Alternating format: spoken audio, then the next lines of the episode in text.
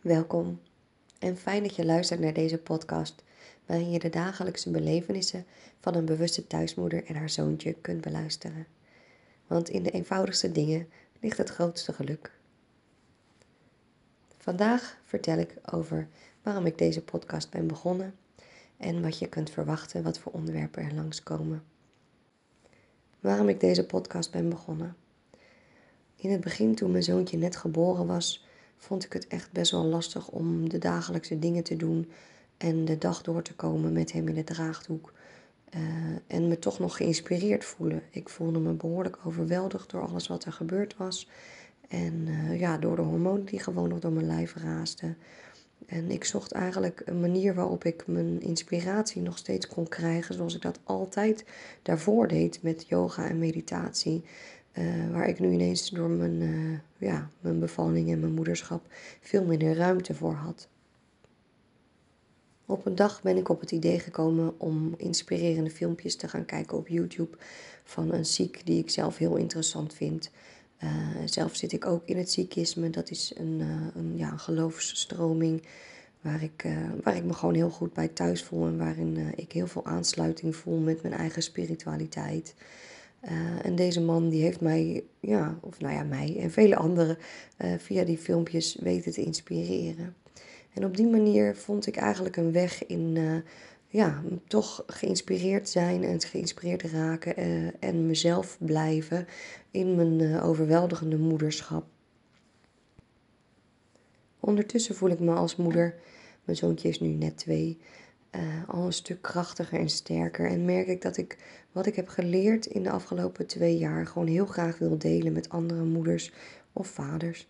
Um, om hun ook, om jou ook kracht bij te geven. En uh, ja, om jou ook te inspireren met wat ik ondertussen allemaal heb geleerd en weet en zie. In eerste instantie had ik eigenlijk het idee om een blog te gaan schrijven. Ik hou heel erg van schrijven, heb ik altijd heel veel plezier in gehad. Als kind schreef ik ook graag gedichten en verhaaltjes. En ja, ik vind tekst sowieso gewoon hartstikke leuk. Maar ik, ja, ik vond dat eigenlijk niet een goede vorm, omdat ik zelf ook gewoon liever luisterde uh, dan, dan uh, lezen. Oh, ja, omdat als je gewoon thuis bent met je kind, dan heb je gewoon helemaal geen tijd om je telefoon te pakken en te lezen. Uh, dus ja, vandaar dat ik voor deze vorm heb gekozen. En ik hoop dat uh, dit een vorm is die ook bij jou goed aansluit. En ik hoop dat ik jou met deze podcast inspiratie mag geven, zoals ik dat ook heb mogen ontvangen. Wat kun je verwachten van deze podcast? Ik uh, heb de intentie om gewoon over onze dagelijkse dingen te vertellen Zoals de, de wasbare luiers of de borstvoeding, het zindelijk worden, um, de, de eerste maanden van zijn leven dat hij best wel veel huilde. Allerlei gewone hele dagelijkse dingetjes waar we soms samen tegenaan lopen. En um, ja, die ik dan op mijn manier probeer op te lossen. En um, ja, ik hoop je een leuk kijkje in ons leven te geven. Zelf heb ik het ondertussen ontzettend naar mijn zin met mijn zoontje. We zijn heel goed in harmonie samen en ik geniet ontzettend veel van hem. En uh, met mij vele anderen. En uh, ja, misschien dat je dat iets brengt. Wie is de mama achter deze podcast? Mijn naam is Kamal Preem. Ik ben de jongste dochter uit een gezin van twee meiden met een lieve mama en eerlijk gezegd een beetje een vreemde papa.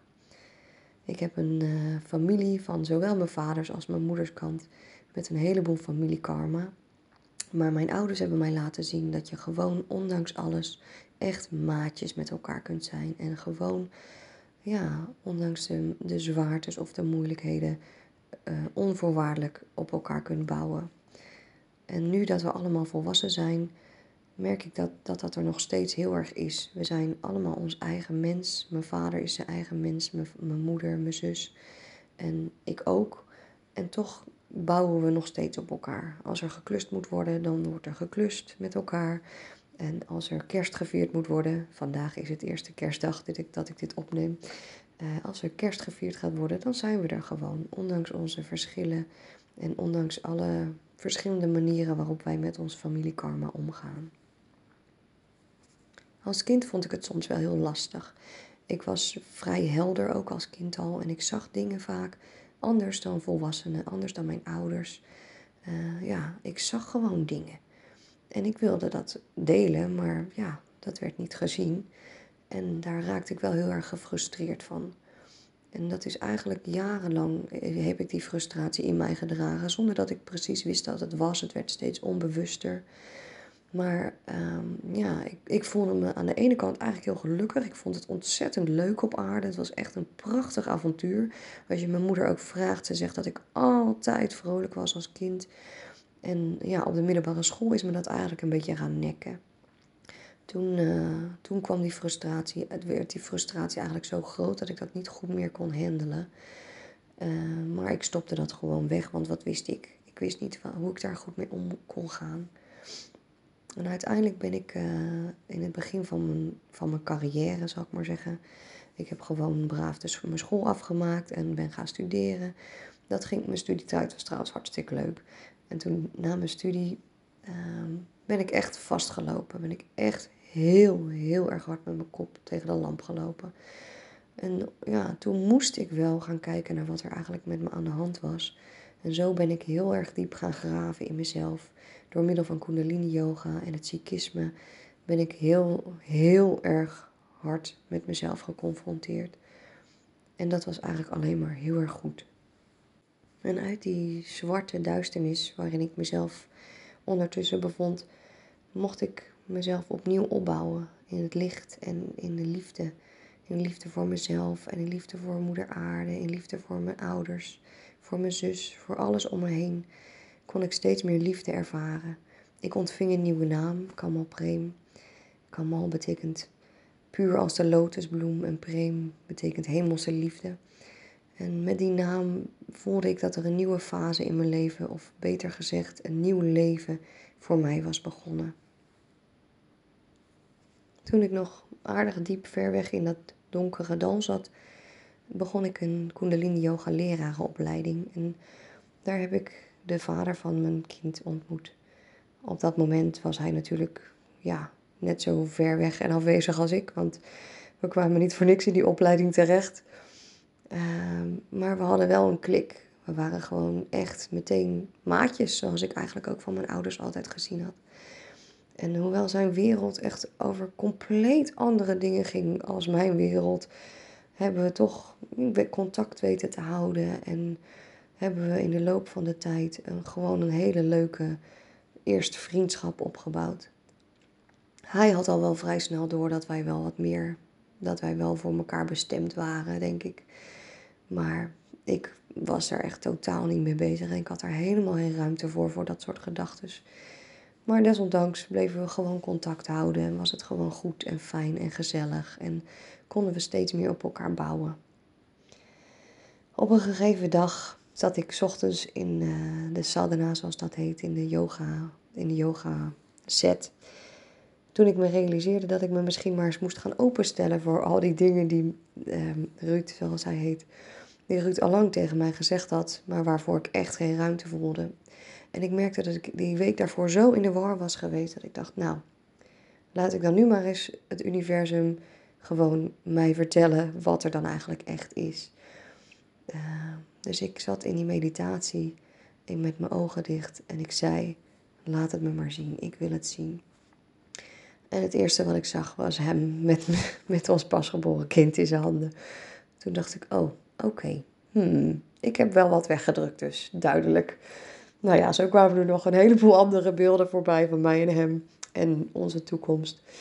Ehm, en toen heb ik dat nog niet meteen aan hem verteld, want ik weet wel dat als je soms in meditatie zit, dat je heel open kan zijn en je geest heel erg de mogelijkheden kan zien. En dat als je dan weer in de realiteit van het dagelijkse leven stapt, ja, dat dat toch wel echt nog zo ver weg voelt. Dus ik heb dat nog even voor me gehouden, maar ja, toen ik hem later die middag zag, heb ik het toch maar eerlijk aan hem opgebiecht. En het enige wat hij zei was: Ja, dat weet ik toch. Nou, daarmee was onze relatie een feit. En we zijn een jaar daarna ongeveer zijn we getrouwd. Uh, onze relatie was echt, of is echt absoluut geen makkelijke relatie. Hij heeft van zijn kant ook een heleboel karma op zich genomen in dit leven. En in combinatie met mij heeft dat echt op allerlei manieren zijn uitwerking gedaan. Ehm, maar we hebben altijd op elkaar kunnen rekenen en we hebben elkaar altijd geprobeerd in het licht te blijven bezien. En dat gaat ons in meer en mindere mate goed en minder goed af. Ehm, ik zeg al zolang ik hem ken ongeveer iedere dag een gebed op. Wat bedoeld is om mijn relatie met mannen te helen. En om de mannen in mijn leven te helen.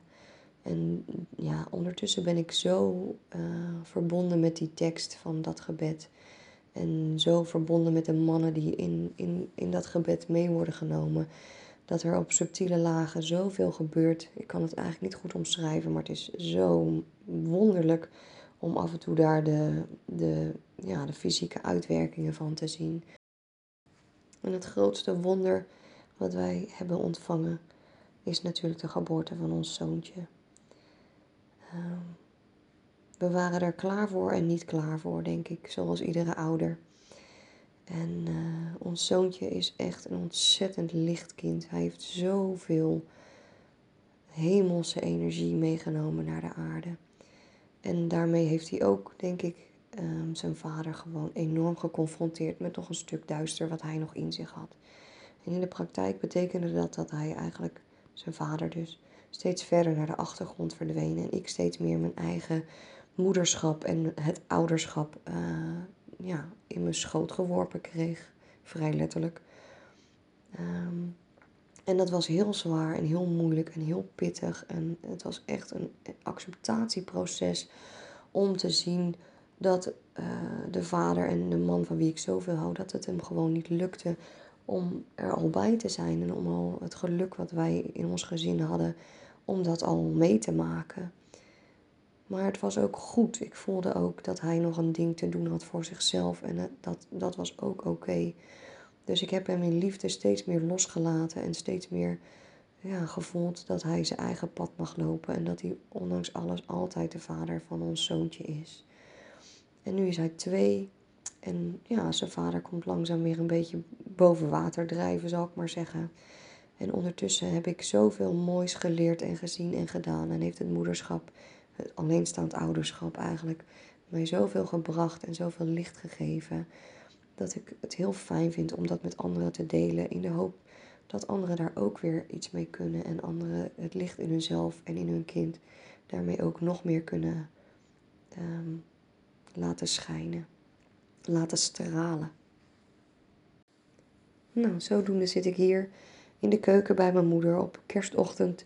Terwijl mijn moeder met mijn zoontje en mijn nichtje eventjes uh, naar de kerstmis is voor kinderen. Om uh, ja, mijn allereerste podcast aller tijden op te nemen en jou te delen in mijn leven. Ik vind het fijn dat je mee wil luisteren naar wat ik beleef met mijn zoontje. En ik vind het fijn dat je wil horen wat ik te vertellen heb. Ik hoop dat het je wat moois brengt en ik hoop dat je nog heel veel afleveringen met ons meeleeft. Bedankt voor het luisteren. Ik vind het fijn als je me ook op Instagram wil volgen. Daar heet mijn kanaal ook Bewust bij mijn kind. En als je geïnspireerd bent door mijn podcast, dan vraag ik je om je ervaring te delen met anderen. Op, via een review of op social media. Je kunt ook nog meer inspiratie vinden op mijn website, ook bewustbijmijnkind.nl. En dan rest me niets meer dan jou nog een hele fijne dag of een hele fijne nacht wensen. Tot de volgende keer.